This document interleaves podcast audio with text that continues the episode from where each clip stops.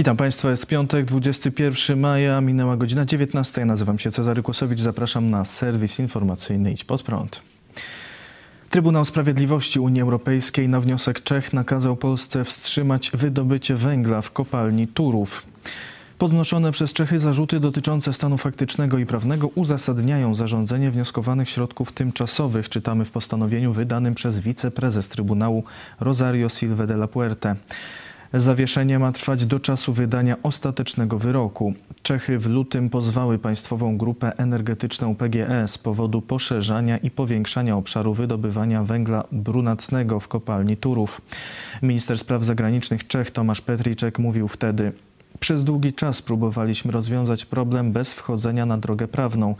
Kopalnia ma negatywny wpływ na codzienne życie dziesiątek tysięcy mieszkańców Czech, a proces może trwać latami, w których poziom wody będzie się obniżał, a pyły będą zanieczyszczać powietrze.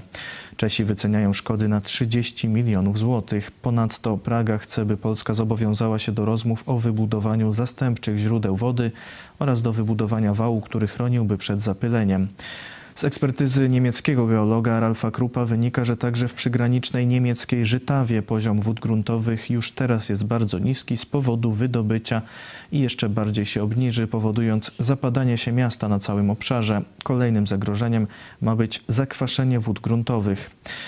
Kopalnia Turów zasila węgiel pobliską elektrownię. Zawieszenie wydobycia oznacza także konieczność wyłączenia elektrowni, która dostarcza około 5% energii do polskiego systemu przesyłowego.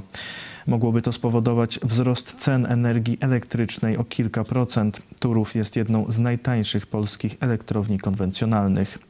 Portal Wysokie Napięcie.pl zwraca uwagę na zaniedbania polskiej strony w tej sprawie. Rząd w Pradze chciał przez cały 2020 rok negocjować z Warszawą. Domagał się, aby Polska partycypowała w kosztach rozbudowy infrastruktury zaopatrzenia w wodę. Z punktu widzenia polskiego rządu udział w tych projektach oznaczał przyznanie się, że elektrownia wpływa na stosunki wodne po stronie czeskiej, a tego bardzo chciano uniknąć. Ponadto strona polska była pewna, że Czesi przegrają sprawę w unijnym sądzie. Według informacji portalu Wysokie Napięcie.pl strona polska nie przekazała Trybunałowi żadnych szczegółowych szczegółowych analiz na temat wpływu zamknięcia Turowa na bezpieczeństwo energetyczne, ograniczając się do ogólnych sformułowań o potrzebie zachowania elektrowni w systemie. Autorzy portalu Wysokie Napięcie Bartłomiej Derski i Rafał Zasuń sugerują, że rząd wyciągnął wnioski i zastanowił się nad zmianą strategii, a przede wszystkim, żeby wrócił do rozmów z Czechami. Bartłomiej Derski w wypowiedzi dla Wyborczej powiedział Konflikt eskalował, Polska szła na zderzenie. Czesi oczekiwali wsparcia przy eliminacji skutków działalności kopalni, oczekiwali pieniędzy na kilka inicjatyw. Polska mogła to przekształcić w program międzynarodowy finansowany z budżetu państwa i PGE. Kosztowałby 100-150 milionów złotych. Rząd jednak nie chciał słuchać, szedł na zwarcie i teraz powinien przyjąć odpowiedzialność. Premier Mateusz Morawiecki w oświadczeniu stwierdził, że decyzja Trybunału jest niesprawiedliwa. Będziemy robić wszystko, żeby zapewnić bezpieczeństwo energetyczne naszemu państwu. Będziemy przeciwdziałać tej niesłusznej, niesprawiedliwej i niespodziewanej decyzji Trybunału. Jestem przekonany, że będziemy potrafili wykazać nasze racje i całą sprawę zakończyć w taki sposób, aby nie narażać życia i zdrowia polskich obywateli ze względu na taką decyzję, która zapadła w Luksemburgu, po powiedział szef rządu. Grupa PGS skomentowała orzeczenie na Twitterze. Decyzja Trybunału to droga do dzikiej transformacji energetycznej. Unijny Zielony Ład na naszych oczach ponosi porażkę. Były minister gospodarki Janusz Steinhoff powiedział portalowi Business Insider. Odbieram tę decyzję z zaskoczeniem i zdziwieniem. Uważam, że jest nieprzemyślana i nieracjonalna. Zaprzestanie wydobycia węgla wiąże się ze zmuszeniem podmiotu do zaprzestania produkcji elektrycznej. Elektrownia Turów ma znaczącą pozycję w systemie energetycznym Polski, daje też pracę wielu ludziom. To będzie problem społeczny i ekonomiczny dla przedsiębiorstwa, ale i techniczny związany z bilansem mocy w Polsce. Maksymowicz prognozuje kolejne odejścia ze Zjednoczonej Prawicy. Profesor Wojciech Maksymowicz, który odszedł niedawno z klubu PiS, a wczoraj przeszedł z partii Porozumienie do Polski 2050, dziś w TOK FM stwierdził, że spodziewa się kolejnych odejść ze Zjednoczonej Prawicy. Według posła kandydatów do odejścia może być od kilku do nawet dwudziestu. Porządnych ludzi jest dużo więcej, ale są pod presją bycia żołnierzami wiernymi naczelnikowi państwa.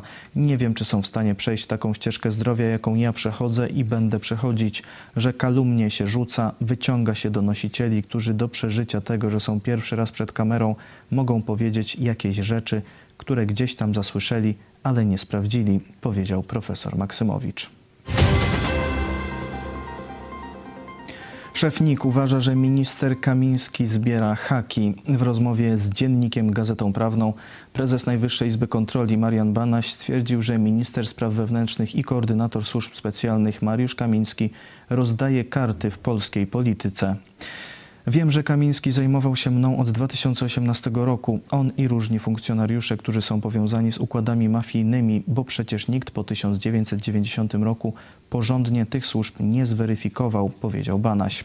Zapytany, czy według niego Kamiński rządzi Polską, powiedział w jakimś sensie tak, to on rozdaje karty. Jeśli ma się monopol na informacje i można wobec każdego spreparować zarzuty, oskarżenia, myślę, że zbierane są haki na każdego, na wszelki wypadek. 191 osób zmarło w ciągu ostatniej doby z powodu chińskiego wirusa, podało dziś Ministerstwo Zdrowia. Łącznie w Polsce zmarło już 72 600 zakażonych osób. Wczoraj stwierdzono 1600 zakażeń wirusem. Obecnie jest 9 tysięcy łóżek szpitalnych zajętych przez osoby zakażone oraz 1200 respiratorów wykorzystywanych do ich leczenia. Liczba osób, które zaszczepiły się przeciw koronawirusowi przekroczyła dziś 12 milionów 300 tysięcy. Dwie dawki lub szczepionkę jednodawkową otrzymały 4 miliony 800 osób. Jest porozumienie państw unijnych w sprawie paszportów szczepionkowych. Komisja Europejska poinformowała, że Parlament Europejski i państwa członkowskie Unii Europejskiej doszły do porozumienia w kwestii paszportów szczepionkowych. W oświadczeniu Komisji Europejskiej czytamy: Unijny certyfikat covidowy będzie bezpłatny, bezpieczny i dostępny dla wszystkich. Będzie dostępny w wersji cyfrowej i papierowej w zależności od wyboru posiadacza. Obejmie informacje o szczepieniach, testach i ozdrowieniu. Według porozumienia po wejściu w życie paszportów szczepionkowych państwa członkowskie Unii Europejskiej nie będą wprowadzały dodatkowych restrykcji w zakresie podróżowania, chyba że są one konieczne do ochrony zdrowia publicznego. Zorganizowana dezinformacja epidemiczna. Holenderskie media podają, że zorganizowana grupa około 800 osób była zaangażowana w szerzenie dezinformacji w internecie na temat pandemii koronawirusa. Jak ustalili dziennikarze, osoby kierujące grupą o nazwie Cyfrowa Armia przekazywały jej członkom nieprawdziwe wiadomości, które miały być dalej przekazywane w mediach społecznościowych. Członkowie grupy mieli także słownie atakować w sieci lekarzy i ostrzegających przed zagrożeniem polityków. Holenderskie media ujawniły, że służby śledzą działalność grupy, ale nie mogą podjąć żadnych działań, ponieważ, jak stwierdziła policja, szerzenie dezinformacji nie jest karalne. Pfizer skuteczny w 75% przeciw wariantowi indyjskiemu. Współproducent szczepionki Pfizer, koncern BioNTech, zaprezentował najnowsze wyniki badań nad skutecznością preparatu w walce z indyjską mutacją koronawirusa. Jak podał prezes koncernu Ugur Sahin, wynosi ona obecnie od 70 do 75%, czyli jest niższa niż w przypadku pozostałych wariantów. Na całym świecie z powodu wirusa z komunistycznych Chin zmarło już 3 miliony 450 tysięcy osób, tym tylko wczoraj 13 tysięcy. Parlament Europejski zablokował umowę inwestycyjną z Chinami. 599 europarlamentarzystów zagłosowało w czwartek za przyjęciem rezolucji wstrzymującej pracę nad ratyfikacją umowy Unii Europejskiej z komunistycznymi Chinami. Przeciw było 30 członków Parlamentu Europejskiego, wstrzymało się 58. W rezolucji europosłowie potępili bezpodstawne i arbitralne sankcje, które komunistyczne Chiny nałożyły na 10 osób, w tym członków Parlamentu Europejskiego i cztery organizacje działające na terenie Unii Europejskiej, określając sankcje zamachem Chin na podstawowe wolności.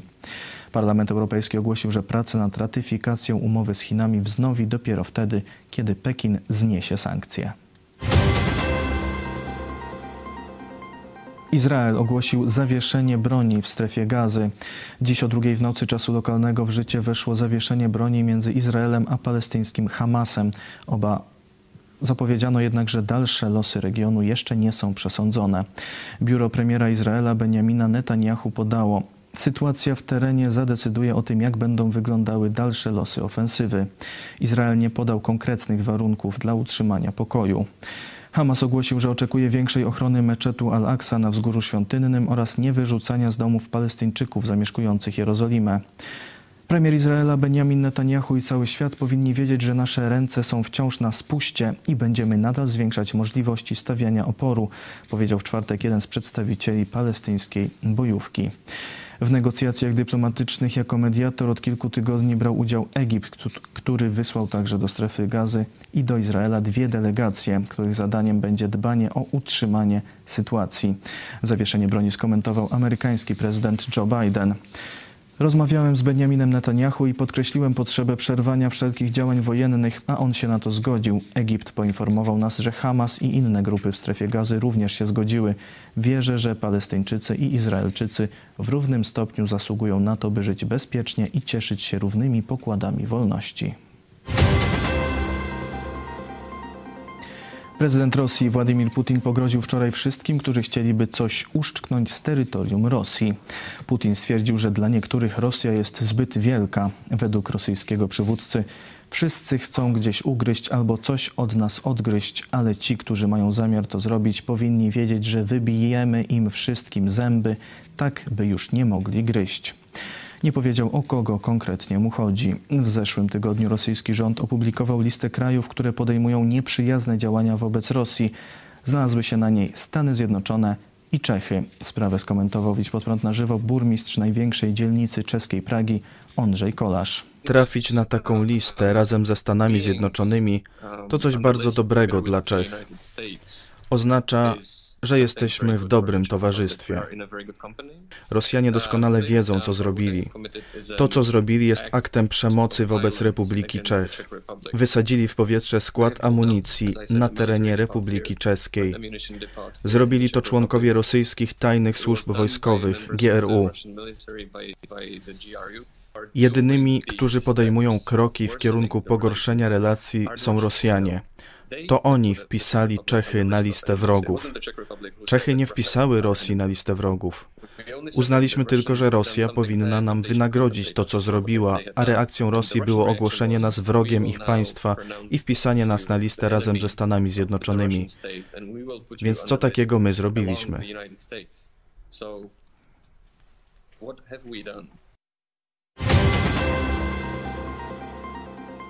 Dziś w centrali ABW w Warszawie doszło do tragicznego zdarzenia. Z okna na czwartym piętrze wypadł oficer ABW. Został przewieziony do szpitala, gdzie zmarł. Z informacji portalu O2.pl wynika, że mężczyzna był doświadczonym oficerem. W ABW służył 16 lat. Pracował w Departamencie Ochrony Informacji Niejawnych. Wcześniej służył w policji. Informatorzy portalu wskazują, że mogło być to samobójstwo. Rozmowy z hologramem jak w Gwiezdnych Wojnach. Google pracuje, by podobne rozwiązanie wprowadzić w życie. Marcin Palimonka. Google pracuje nad technologią Starline, która ma posłużyć do rozmów w trójwymiarowym wideo. Komunikacja ma przypominać wykorzystanie hologramów do rozmowy. Według korporacji tego typu rozwiązanie ma uczynić rozmowy wideo bardziej naturalnymi. Podczas rozmowy z wykorzystaniem nowej technologii ludzie są widoczni na specjalnym ekranie w postaci obrazu trójwymiarowego. Rozmówcy są naturalnej wielkości i można na nich patrzeć z różnych kątów.